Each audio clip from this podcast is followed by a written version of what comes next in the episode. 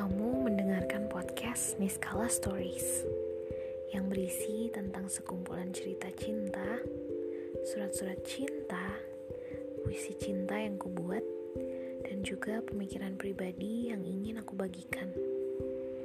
Bahagiaku, sedihku, dan segala ceritaku tentang memilih untuk jatuh.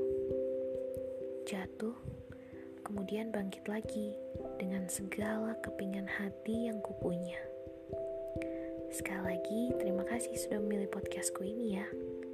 Terima kasih sudah memilihku menjadi temanmu.